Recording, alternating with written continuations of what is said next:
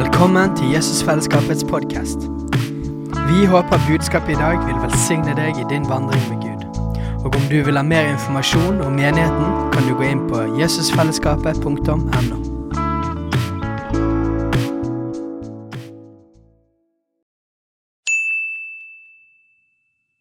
Hei! Visste du at Jesusfellesskapet starter en ny bibelskole til høsten? Den heter Jesusskolen og starter den 3. september.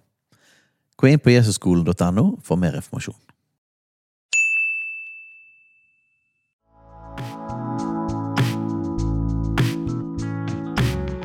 Velkommen til Jesusfellesskapets podkast. Vi håper budskapet i dag vil velsigne deg i din vandring med Gud. Og om du vil ha mer informasjon om menigheten, kan du gå inn på jesusfellesskapet.no. Etter eh, at i hele 2019 så hadde vi et fokus på eh, lovsang, bønn og faste. Hadde et sånn her saying for hele 2019, og det var eh, å skape en landingsplass for Den hellige ånd gjennom lovsang, bønn og faste. Og etter det så hadde vi en del fokus på det personlige livet med Jesus og sånne ting i starten av dette året òg. Og rundt påsketider hadde vi en 40 dagers Jesusfaste. Eh, Og det var en del folk som var, del, var med på det og fastet, hadde ekstra fokus på å søke Gud i den tiden. Og I forbindelse med det så lagde vi en, eh, en sånn bønnemanual i denne 40 dagers Jesusfasteperioden. Eh, Vi hadde òg undervisning om Fader vår og en del de tingene. Um, og nå har vi lagd en ny bønnemanual. Si, så I dag og neste søndag så kommer fokuset til å være på den. Men jeg har lyst til å lage overskriften først. Og det er den nye sesongen som vi er inne i, som kommer til å være fokus resten av 2020. Og helt sikkert godt eh, inne i 2021. Og det kaller vi 'Det store oppdraget'. Det store oppdraget det er tatt ut ifra to misjonsbefalinger som vi har, i Matteus 28 og i Markus 16. Og jeg skal lese de etter hvert. Men hvorfor er dette fokus? Jo, det er mange grunner til det. Det ene, ene grunnen er det at, at eh, for eh, noen år siden, tre år siden cirka, så var det en stor krise i Vi hadde en eh, tøff tid i menigheten.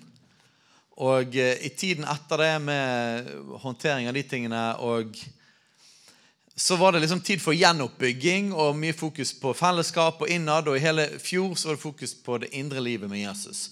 Og vi har ikke hatt noe fokus på misjon og evangelisering i det hele tatt i rundt tre år. Men nå er det tid for å løfte blikket igjen. Og eh, Nå er det jo ikke sånn at dette med misjonsbefalingene er Nå står det ikke helt direkte misjonsbefalingen, men det står i kommandoform når Jesus sier det. Stefan Kristiansen sier det sånn at det ikke er misjonsanbefalingen, men misjonsbefalingen. Eh, så det er jo ikke sånn at vi egentlig har liksom et valg basert på våre personlige preferanser om, om vi har lyst til at dette skal være en del av livet vårt eller ikke. Dette er faktisk en kjerneting i hele evangeliet. Jesus kom for å redde en fortapt verden. Og så ble vi reddet, ble ikke vi? Jeg håper alle her er blitt reddet, frelst. Hvis ikke har du mulighet til det i dag. Men så skulle det ikke stoppe med oss. Når han reddet oss, så Når hans kjærlighet traff oss, og vi fikk erfare hans godhet, hans kjærlighet, hans nåde, så var det meningen at vi skulle få det, at vi skulle få en relasjon til Gud, at vi skulle få evig liv. Men det var òg meningen at vi skulle bli evangeliet. Vi skal bli det budskapet. Vi skal bli Guds utstrakte hånd videre ut mot verden. Vi erfarer kjærlighet, tar imot hans kjærlighet, og så er vi kalt til å gi hans kjærlighet. Bli hans kjærlighet i verden. ikke det riktig? Dette er veldig bibelsk, veldig evangelisk. Så det er tid for oss å løfte blikket som menighet. Det er tid for oss å løfte øynene og se markene og se at de er alt hvite til høst. Og høsten er stor, så det er ikke en utfordring, egentlig. Høsten er der, og den er stor. Og den er til og med, til og med hvit til høst, sa Jesus i Johannes kapittel 4, og det er lenge siden. Så hvis han var moden for 2000 år siden, så er han nok det ennå. Men det står også at, eh, sier Jesus òg at eh, Men arbeiderne er få. Be derfor høstens herre at han vil drive ut arbeidere til sin høst. Jesus sa òg En av de første tingene han sa når han kalte sine første disipler, var 'Følg meg, så skal jeg gjøre dere til menneskefiskere'. Så dette er, en, dette er, en, kjerneting i evangeliet. Det er tid for oss å løfte blikket og ha fokus utover. Vi kommer fortsatt å ha alle de andre tingene elementene med, men vi må ha dette på plass. Derfor kommer vi til å fokusere sterkt på det. Nå ut med evangeliet. Forkynne evangeliet, demonstrere evangeliet og gjøre mennesker til disipler. Halleluja. I tillegg til at dette er godt for oss, og det er bibelsk, og det er liksom i god sesong, sesongen er bra for menigheten, så er det noe Gud holder på med òg i vår del av verden, folkens. Det har vært utrolig mye profetiske ord, og gjennom fjoråret så var det mange mange som snakket om forberedelsestid. Forberedelse og bønn og faste. Det har også vært fokus innover dette året. Men spesielt gjennom fjoråret var det mange som snakket om det. Mange profeter som snakket om at 2020 var et år av innhøstning. Og nå er vi i 2020. Det ordet jeg fikk personlig eh, i desember 2019, var at 2020 var et år av gjennombrudd og vekkelse. Gjennombrudd og vekkelse. Så jeg tror ikke det er bare noe som er generelt bibelsk, eller noe som er eh, bare bra for vår sesong i menigheten, at det er bra for oss at det er timing for det. Men jeg tror at Gud gjør noe. Gud gjør noe i Norge, Gud gjør noe i Europa, Gud gjør noe i verden. Jeg tror at det er innhøstningstid nå. Så vi trenger å bli gjort klar til å bli høstarbeidere. Og Dette er jo selvfølgelig for evangelister, men det er ikke bare for evangelister. Evangelistenes funksjon er jo å trene folket til å bli høstarbeidere. Men det er jo folket som skal gjøre den jobben. Guds folk. Jesus sa det sånn at eh, på samme måte som Faderen sendte meg, så sender jeg dere. Så vi er sendt på samme måte som Jesus. Heldigvis skal vi slippe å dø på et kors. De fleste av oss. Faktisk mange av apostlene, de første apostlene som faktisk døde på et kors. Men de fleste av oss kommer nok til å slippe å dø. Men Vi skal iallfall ikke dø for verdens synd. Men vi, vi er sendt ut til verden for å bringe Guds rike på samme måte som Jesus var sendt av Faderen. Men jeg tror at dette året er spesielt. og Vi ba inn i dette. Hele fjoråret var det sterkt fokus på bønn og bønn og faste. Og innover I starten av dette året så ba vi og, og snakket om det, erklærte gjennombrudd og vekkelse. Og så kom hele koronagreien. Sånn, interessant. Jeg skal ikke gå dypt inn i hele den greien her. Hvorfor, hva og hvordan. Men det som er, uten, det som er ingen tvil om at det skjer noe spesielt i, i år. Noen som har merket det, at det er litt rystninger i år? Det er liksom, 2020 kommer til å bli husket lenge for et år av rystninger. Politiske rystninger. Selvfølgelig det som har med helse å gjøre, men, men den største rystningen er jo kanskje ikke sykdommen i seg sjøl, men det er alle økonomiske konsekvensene og alle, alle effektene det har hatt på hele verden. Og så er det lett å bli blind på å bare se på det som skjer på overflaten. Sant? Flyselskaper sliter, og hoteller og alle de tingene. Men Gud gjør noe under overflaten. Gud gjør noe under overflaten. Høsten er moden, folkens. Jeg tror jeg tror ikke det er Gud som sender sykdom, elendighet og økonomiske problemer. Men jeg tror at noe av det som skjer i tiden, er det at vi blir rystet, og avgudene våre blir rystet. Det vårt folk har satt sin lit til, blir rystet. Og vet du hva? Det er bra for evangeliet. Altså, De dumme tingene i seg sjøl er ikke bra, men effekten i hjertene til folk kan være bra. Er vi med på det? Det er innhøstningstid, og vi trenger å bli klar. Vi trenger å bli klar. La oss lese eh, Vi begynner med Markus. Markus 16.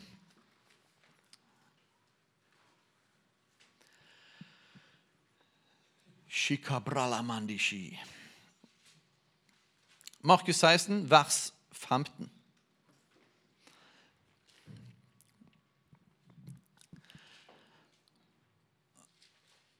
Og han sa til dem, altså Jesus, sa til dem, gå ut i all verden og forkynn evangeliet for all skapningen. Den som tror og blir døpt, skal bli frelst, men den som ikke tror, skal bli fordømt. Og disse tegn skal følge dem som tror. I mitt navn skal de drive ut onde ånder, og de skal tale med tunger. De skal ta slanger i hendene, og om de drikker dødelig gift, så skal det ikke skade dem.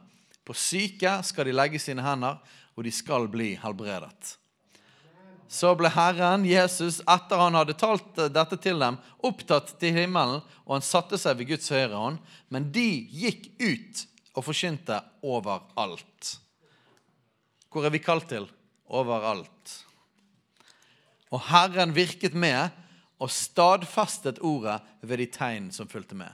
Markus 16 handler i sum om å forkynne evangeliet og demonstrere evangeliet. Hva er forskjellen på de tingene? Forkynne er med ord. Og Jeg sa det på en av disse streamingene for de som hørte det, at eh, noen han har Frans av Assisi. Det er jo en diskusjon om han faktisk sa de tingene eller ikke. Men, men det var uansett en annen kontekst. Noen har sagt at å forkynne evangeliet og om nødvendig med ord eh, Det kan være rett, men det er ikke helt bibelsk likevel. For i, i Bibelen så står det veldig enkelt og greit forkynne evangeliet med ord. så, ikke, så Frans av Assisi står ikke over Bibelen eller Jesus. Jeg tror ikke det var det han mente. Han var en fantastisk fyr. Eh, men vi har i vår kultur brukt det der sitatet der som en unnskyldning, som en slags, sånn, et eller annet som trumfer Bibelen på å si at vi trenger ikke å snakke om Jesus. Nei, Romane 10 så står det om hvordan kan noen komme til tro om ingen forkynner. Så vi trenger å forkynne evangeliet. Så vi skal gå inn i å lære å forkynne evangeliet. Nå er det jo litt sånn rart med timingen på dette. For nå er det liksom sånn her Yeah! Oppstart! Fysisk Jesusfest! Og så neste søndag så er det avslutning. Det er litt sånn og så sommerferie. Så det er litt sånn OK. Um, men vi holder tråden både gjennom sommeren, men òg når høsten kommer, så kommer vi veldig konkret gå til verks inn i trening på disse tingene. Alle skal få trening. Men så er det òg det ligger òg noe i selve denne manualen i forhold til hvordan forkynne evangeliet. og sånn. Det skal vi snakke om senere. Men Markus 16 kommer til å være hovedfokus neste søndag. Men jeg har nevnt det. Og det er den andre biten, den andre delen av bønnemanualen her, handler om å nå ut med evangeliet. Praktisk hvordan gå nå ut med evangeliet. Men det skal vi snakke om mest neste søndag. Det vi skal begynne med i dag, det er fokusert rundt, mer rundt det som står i Matteus 28. En av de andre misjonsbefalingene. Matteus 28. Og disse tingene de henger jo sammen, helt klart. Men det vektlegger to litt forskjellige ting. Matteus 28, vers 19 og 20.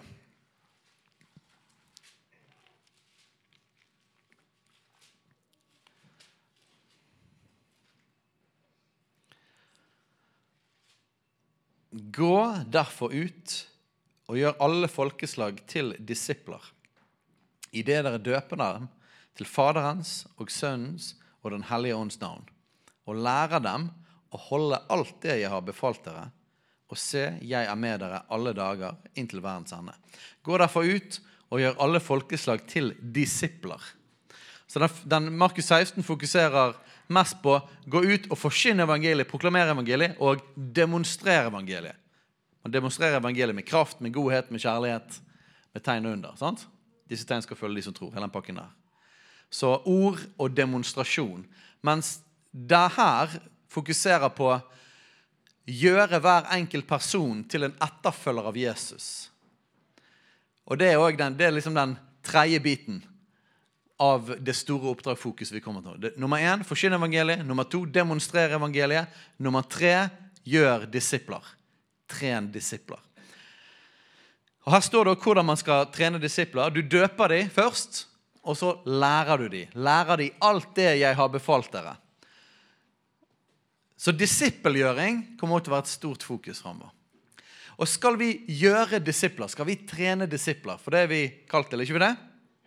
Trene nye disipler, trene mennesker og følge Jesus. Hvis vi skal trene disipler, så må vi jo leve som disipler. Så fokuset i dag og den første delen av bønnemanualen er en hjelp til å leve disippelliv. Og det er klart at Vi kan ikke ta absolutt alle sider av disippellivet inni der, men nummer én ting når du skal følge Jesus, det er tiden vi har sammen med Jesus. Og Det er den det er størst kamp om. Vårt bønneliv, vår tid i hans nærvær og vår bibellesning. Spise av hans ord. Så den første delen av bønnemalen handler rett og slett om en hjelp til å leve som en hverdagsdisippel. Hverdags etterfølger av Jesus. Vi kan selvfølgelig ikke tvinge noen i menigheten til å være med på dette, men vi har lyst til å sette fokus gjennom hele sommeren, basically fra nå av og godt ut i august, på å leve hver dag i bønn og tilbedelse og bibellesing. Halleluja. Veldig klassisk, ingenting nytt med det. Men du vet like godt som meg at det fins ingenting i vårt liv som det er mer kamp om, og som gjør større forskjell, både positivt og negativt. Er det noen som har erfart det? Jeg har erfart mange ganger at jeg ikke har fått spist ordentlig av Guds ord og levd i hans nærvær, levd i bønnen, og jeg merker umiddelbar negativ effekt. Er det noen andre som har opplevd det noen gang? Ja. Er det noen andre som har opplevd det motsatt òg? At når vi får spist og drukket av Den hellige ånd, og vi får leve det jevnlig, så får det umiddelbar positiv effekt. Det er jo ikke Gud som trenger at vi lever nær Han. Han har det fint. Det er vi som trenger det. Det er vi som trenger det. Og, og Jeg vet ikke om hva vi har tenkt før, og jeg vet ikke hva andre menigheter tenker, men det virker nesten som at, vi, at, at så få praktisk gjør noe med å trene folk til disse tingene. At vi bare med, vi bare tar for gitt at dette funker. Ja, Da kan jeg fortelle dere det gjør det ikke. Skal jeg love dere at det ikke gjør. Og det, ikke, det gjør ikke det heller i andre menigheter. Men hvis Jesus, vet dere det at det står ingenting i Bibelen om ha søndagsmøter? Det, det, står om at menigheten samles sammen i hjemmene og på tempelplassen. Og, så det står om å samles som menighet, men det står ingenting om møter. Det det iallfall står absolutt ingenting om, er jo å bygge en menighetsstruktur og en svær greie og en masse Ha en logo. Det står ingenting om å ha kult lys på scenen. Det står ikke noe om scener i det hele tatt. Men det står 'gjør disipler'. Er ikke det interessant hvor mye tid vi har brukt på ting som ikke står i Bibelen, og så hopper vi over de mest basic tingene? Jeg tror det er veldig, veldig vanlig at man bare driver meningsliv. Man har møter, møter, møter, møter, men ikke lærer folk å faktisk be i hverdagen. Faktisk lese Bibelen. Og jeg vet for min del jeg trenger dette. Og Den bønnemanualtingen som vi hadde i, i, påsken Vi brukte den jeg brukte den personlig, vi brukte den i familien. Det var et kjemperedskap til å samles som familie. Og be sammen og lese Bibelen sammen. Og Jeg vet at det er kjempekamp rundt dette. Jeg vet også at det er masse forskjellige livssituasjoner og sånn. Og jeg vet òg at det er mange som er allergiske mot sånne spesifikke ting. At det bare, å nei, det blir sånn tvangstrøye. jeg må ja, men jeg har tenkt litt på det der. Det sånn, ja, men, vi kan ikke ha frykt for at noen syns at det blir liksom for mye, ikke trene folk i å leve hverdagen med Jesus. Det er ikke sjans. Sånn her, Stå foran Jesus. Ja, du gjør alle til disipler. Du var jo pastor og alt mulig. Gjorde, gjorde du det, da? Nei, men De syns at det ble litt for mye med sånn her ah, bønnemanual. Jeg tenkte de må bare finne ut av det sjøl. Nei, vi har fått et oppdrag om å gjøre disipler. Det krever et eller annet praktisk. Gjør det. Og så er det ingen som kommer til å, å sjekke hjemme hos deg. liksom. Har du krysset av? Sånn, har du bedt Fader vår i dag? Ingen som kommer til å gjøre det. Og, og vår kultur er jo så Vi er jo ikke, er jo ikke asiater. Sant? De kinesiske kristne. det er sånn, Gå ut! Og så alle bare OK, yes sir. Og så går. Vi er jo det totalt motsatte i vår kultur. Sant? Det er jo ikke sånn at vi sier 'les Bibelen', og så gjør man det. Det er jo sånn, 80% ville jo ikke gjort det hvis du bare sier det.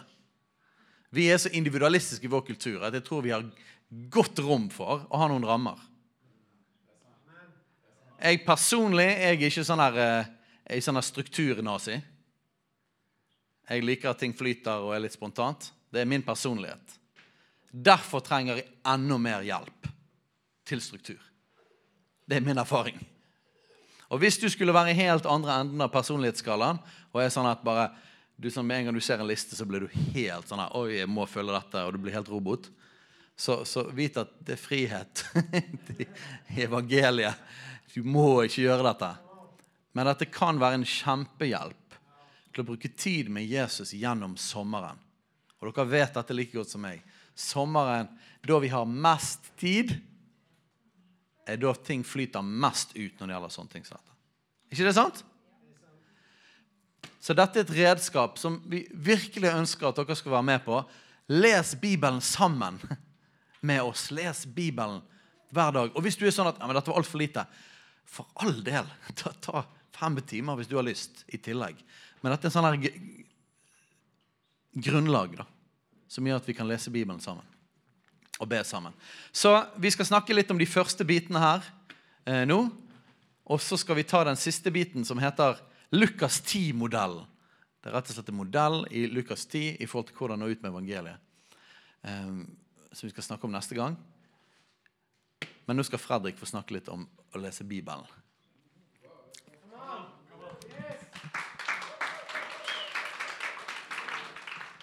Ok, ja.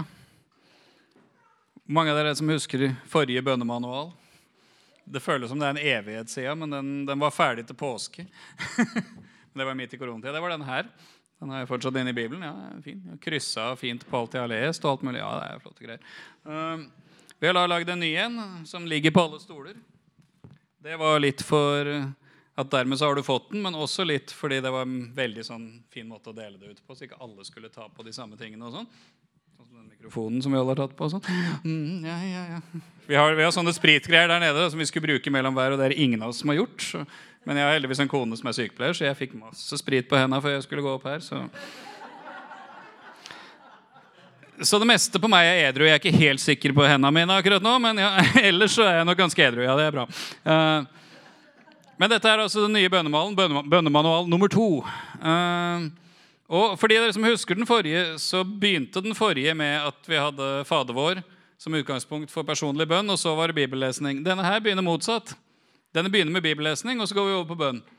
Og det er rett og slett av en enkel grunn. Det var, det var noe jeg fant ut og lanserte for Steinar og de andre i løpet av den perioden med bønnemanualen. For for meg så ble det veldig sånn merkelig. Da begynner jeg med å be, og så leser jeg Bibelen, og så skal jeg be for andre. Det ble, og så, så fant jeg ut at hvis jeg begynte med å, lese Bibelen først Vi sliter litt med livesendinga her, så hvis det er noen som lurer på hvorfor Lasse går her, så er det derfor. Ja. Hvis jeg begynte med at jeg leste biten fra Bibelen først, så var jeg veldig mye mer inspirert til å be etterpå. altså. Noen andre som har oppdaga det noen gang? Ja. Og Det, det syns jeg var veldig greit, fordi du veit Noen ganger er du veldig inspirert til å be. Hvis du har en eller annen krise, da ber du. ikke sant? Eller hvis noen andre rundt deg som du er glad i, har en eller annen krise, da ber du. Eller, eller hvis du har en kjempedag med Jesus, da å, jeg har så lyst til å be. ikke sant? Men hvis vi skal være helt ærlige, så er det jo ikke alle oss som er der hver dag. er det det da? Eller det er sikkert bare meg. Ja. Mm. Eh, men hvis vi leser Bibelen først, så er det noe med den boka her. Har du oppdaga det? Hvis ikke skal jeg fortelle en hemmelighet. Det forteller jeg bibelskoleelevene hvert år. Den boka her, skjønner du, inni her bor det en person. Det bor en person inni denne boka her. Han heter Den hellige ånd. Og hvis du begynner å lese fra denne boka her og tar til deg fra den, så vil du oppleve at han som bor inni her, han hopper ut vet du. og begynner å sprelle og skape liv. Og så kan du ta det med deg inn i bønn, da. ikke sant? Eh, og her har du altså en bibellesningsplan som går gjennom Lukasevangeliet på åtte uker. Skoleferien har begynt nå. Skoleferien er åtte uker. Hvis du begynner på denne bibelleseplanen i morgen, så har du altså en bibelleseplan så du leser deg gjennom Lukasevangeliet i løpet av skoleferien. Åtte uker. Ganske nøyaktig. Og Hvis du syns det blir for lite for hver gang, så får du lov å ta en til, og så kan du heller lese det flere ganger. Eh, du vet Det står i Hebreerbrevet kapittel 4 vers 12 Noen som har hørt det noen gang før? Hebreerne 4,12. Det er en sånn som mange lærer seg uten at det er fint. fin. Det står det Guds ord er levende og virkekraftig og skarpere enn noe tveget sverd og har kraft til å trenge gjennom og kløyve eller dele eller skille marg og bein, ånd og sjel og kropp osv. osv. Ja.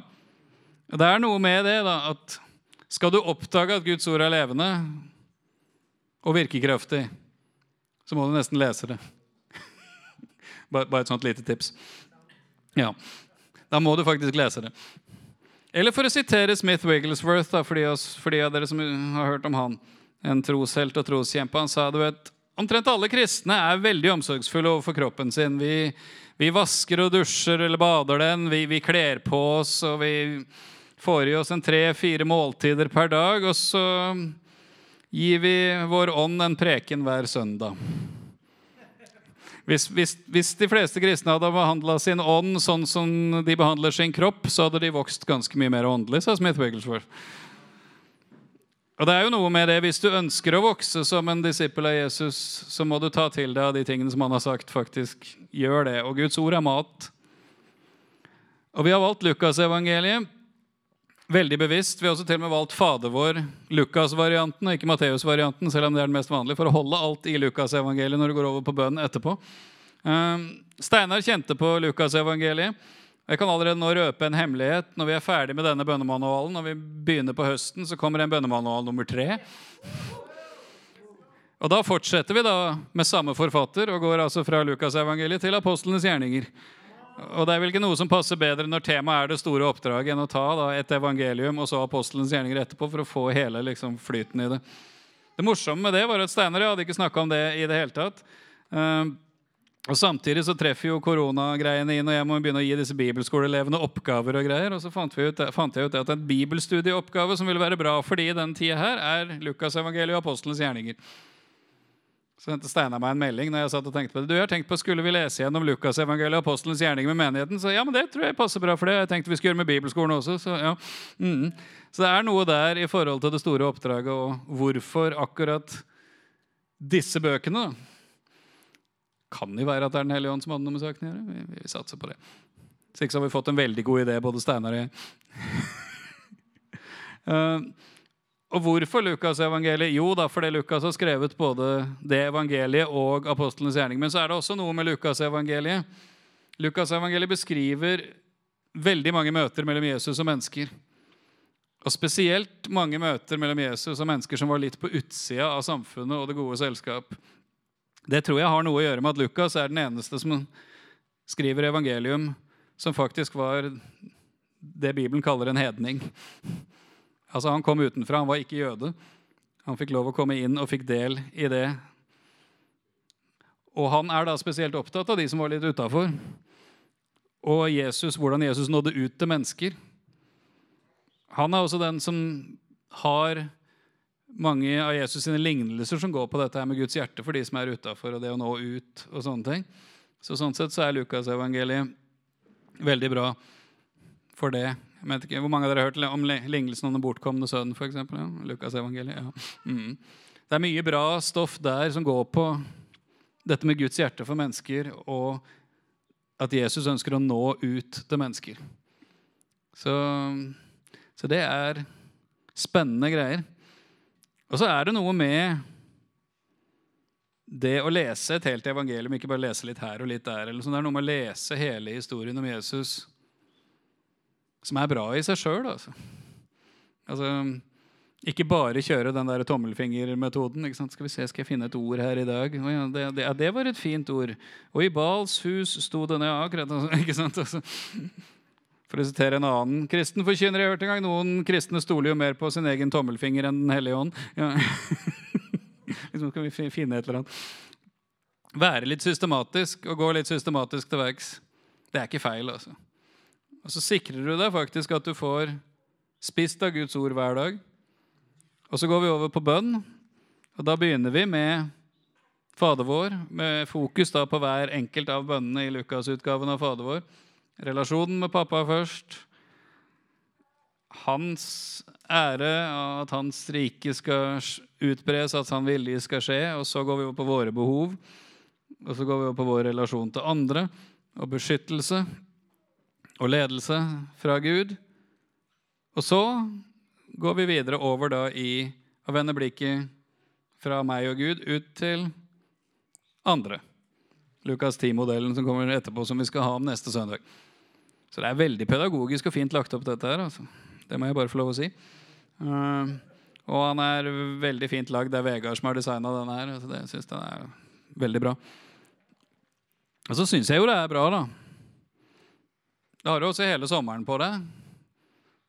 Både aleine eller sammen med familien til å kunne sette seg ned, lese Bibelen sammen, snakke om det dere leser. Be sammen med Fader vår som utgangspunkt. Begynne å be for mennesker du har rundt deg som kan trenge å bli kjent med Jesus. Det kan være årets familieprosjekt. det her altså. Steinar og Katrine hadde jo en kjempeopplevelse med den forrige bønnemanualen som familie. hadde dere ikke det? Og det er da stikkordet hvor jeg skal gi stafettpinnen over til deg igjen. Em, I forhold til å disippelgjøre sin egen familie, men òg å gjøre disipler av nye som blir frelst, så er det første man begynner med, det å lære å be og lese Guds ord. Det er, det er alltid der man starter å gjøre disipler. Og, og eh, jeg har ikke lyst til at vi skal bare nå ut til hele verden, men ikke vår egen familie. Så for oss så er det blitt veldig viktig dette med hvordan disippelgjør vi våre egne barn. Vi trenger å lære dem å lese Guds ord, og vi trenger å lære dem å be og tilbe Jesus. Så jeg oppfordrer veldig folk til å ta denne anledningen. Jeg er sikker på at hver eneste familie har tenkt at oh, ja, det hadde jo vært kjekt å be sammen, lese Bibelen sammen. Så er det så er veldig mange som ikke har fått det til. Um, men jeg, jeg, tror dette er en veldig god anledning. Vi bare setter fokus på det sammen. Eh, det er ikke sikkert man får det, får det, til hver dag. Prøv kanskje en gang i uken å samles med menigheten. Prøv å ha nattverd sammen. Det har vi som familie. Men jeg oppfordrer dere til å benytte anledningen med denne manualen til, til å begynne å gjøre det. Hvis, du, hvis, man ikke har barn, eller hvis det blir for vanskelig med å samle barna, sånn å gjøre det, så oppfordrer jeg ektepar til å gjøre det. Kom sammen som ektepar, les Bibelen sammen og be sammen. Det er jo en, en gammelt, et gammelt sitat i forhold til ekteskapsundervisning og sånne ting. Og det er at 'couples that pray together, stay together'. Så dette er en kjempeanledning. Og det funker òg selvfølgelig individuelt, eller hvis du bor i et kollektiv, går det òg an å gjøre det sammen med andre. Så grunnen til at vi har Fader vår òg Hvis du er kommet inn og ikke hørt Fader vår-undervisningen vår, og du bare sånn 'Fader vår, det var det voldsomt', um, så hadde vi en lang undervisningsserie om det. Den ligger ute på nett. Den ligger vel både på podkasten vår og sikkert på denne koronasiden vår. JF koronatider-gruppen og møtene der for undervisningen. Men, men, det handler jo rett og slett om at for, for de fleste som er vokst opp i en kristen familie, eller, eller for karismatikere, så er vi ikke vant med å bruke Fader vår. Hvis du vokste opp som kristen, så er det kanskje det at du lærte å be Fader når du var liten, sånn som meg. Jeg eh, var vant med å gjespe sånn midt i Fader vår om kvelden. Og, og, det var bare en oppramsing av bønner. Så jeg har bare hoppet over den. Men det som er interessant, er at i, slutten, helt i, i begynnelsen av um, Lukas 11, der Fader vår står i Lukas, der spør disiplene Jesus om å lære, lære dem å be. Bare lær oss å be. Sånn som Johannes lærte sine disipler å be. Og Jesus sitt svar var sånn skal dere be og så kommer Fader vår. Så det bare slo meg i begynnelsen av året det at eh, jeg som karismatiker har liksom bare hoppet over den greia der. Men det står vitterlig 'Sånn skal dere be'. Så kanskje jeg skulle høre på Jesus. Og kanskje det ligger noe i det, siden det var faktisk det Jesus sa når han skulle lære oss å be. Jeg tror ikke Fader vår er en oppramsingsbønn. Jeg tror det er en rekkefølge av viktige ting å gå inn i bønn. Og jeg tror det er mer enn noe så er det en instruksjon fra Jesus til å begynne på rett sted når vi søker han. Og i, Siden vi hadde Lukas denne gangen, gjorde vi en liten tweak. Vi hadde Matteus-biten sist gang. Og Det som står rett før Fader vår, det er historien om Martha og Maria. Og Den passer veldig godt som en intro. Og jeg tror dere husker hovedpoengene i historien om Marte Maria som kommer rett før Fader vår. Men vi har dratt ut noen av den inn i dette. her, og Der står det hun satte seg ved Jesu føtter og lyttet til hans ord. Det var Maria. Og så var det Martha. da. Du gjør det strev og uro med mange ting, men ett er nødvendig. Maria har valgt en god del. Så det er intro inn i å begynne i intimitet og relasjon med Jesus, og så gå over til praktisk bønn i forhold til forskjellige ting. Og så ende opp i å be for andre. Ok, så Nå glemte jeg helt at jeg hadde jo, hadde jo en presentasjon. Jeg hadde jo, Vegard hadde lagd den så fin. Kanskje vi må nesten bare slenge det opp på, på skjermen her, bare siden han har lagd det. Skal vi se. Kommer det? Der kommer det. Dere har jo den foran dere. Men eh, en kjapp gjennomgang her, da. Ja, Det begynner med baksiden, ser jeg. Så dette kommer vi til å ha fokus på neste gang. Um, det som har med det store oppdraget å gjøre. Forkynne evangeliet. Be for ufrelse, demonstrere evangeliet, forkynne evangeliet.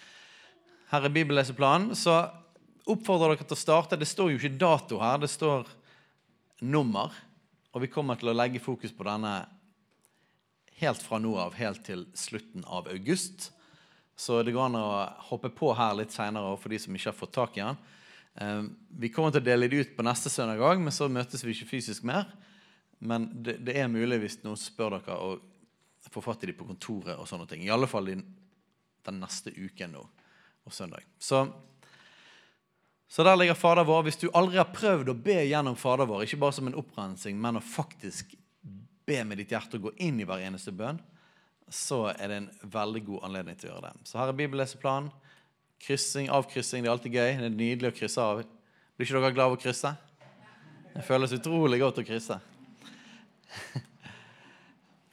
Lukas 10-modellen begynner med å finne noen folk som opplever, man opplever at Den hellige ånd trykker på at vi skal nå ut til. Så jeg tror at sommeren kan bli en fantastisk tid å nå ut med evangeliet. Men dette kommer vi til å fokusere på neste søndag og videre. Yes. Jeg har ikke brukt den i dag. Det bare viser jeg for at Vegard var så flink til å lage denne fine. OK, så ta den med dere, bruk den. Jeg har lyst til å be en bønn, for på slutten her nå så skal vi, skal vi høre noe vitnesbyrd og gå over i noe litt annet, men samtidig handler om det samme. Det handler om at evangeliet må ut, og vi skal gjøre disipler. Men Gud, jeg ber om at du skal dra oss tettere inn til deg. Og jeg ber om at denne sommertiden skal være en sesong av å spise av ditt ord og drikke av din ånd, løfte blikket i tilbedelse og det å virkelig lære å be. At du skal lære oss å be, Jesus. Så jeg ber om at sommeren ikke skal være utsklidningstid, men at midt i all vår frihet og mye mer tid, så ber jeg det at vi skal ha mer tid til deg, Jesus. Og vi vet, Gud, at, at fienden prøver hele tiden å dra oss vekk fra den nære relasjonen med deg. Og Derfor ber vi om beskyttelse for oss. Og jeg ber om at du, Hellige Ånd, skal dra oss tett til deg. Og jeg ber om at du skal bruke disse her, dette som et redskap for at vi skal kunne vandre med deg i hverdagen. I Jesu navn. Amen. Hei, alle sammen. Det er Katrine og Steinar Lofnes her. Vi er hovedledere for Jesusfellesskapet. Så kjekt du har lyttet til denne podkasten. Har du forresten hørt noen av de andre podkastene våre? Ukens tale, Disippelskolen, Hyrdepodden, Kulturkrigen og Mammas hjerte. Du finner disse podkastene på Spotify, Apple Podkaster og på nettsiden vår jesusfellesskapet.no.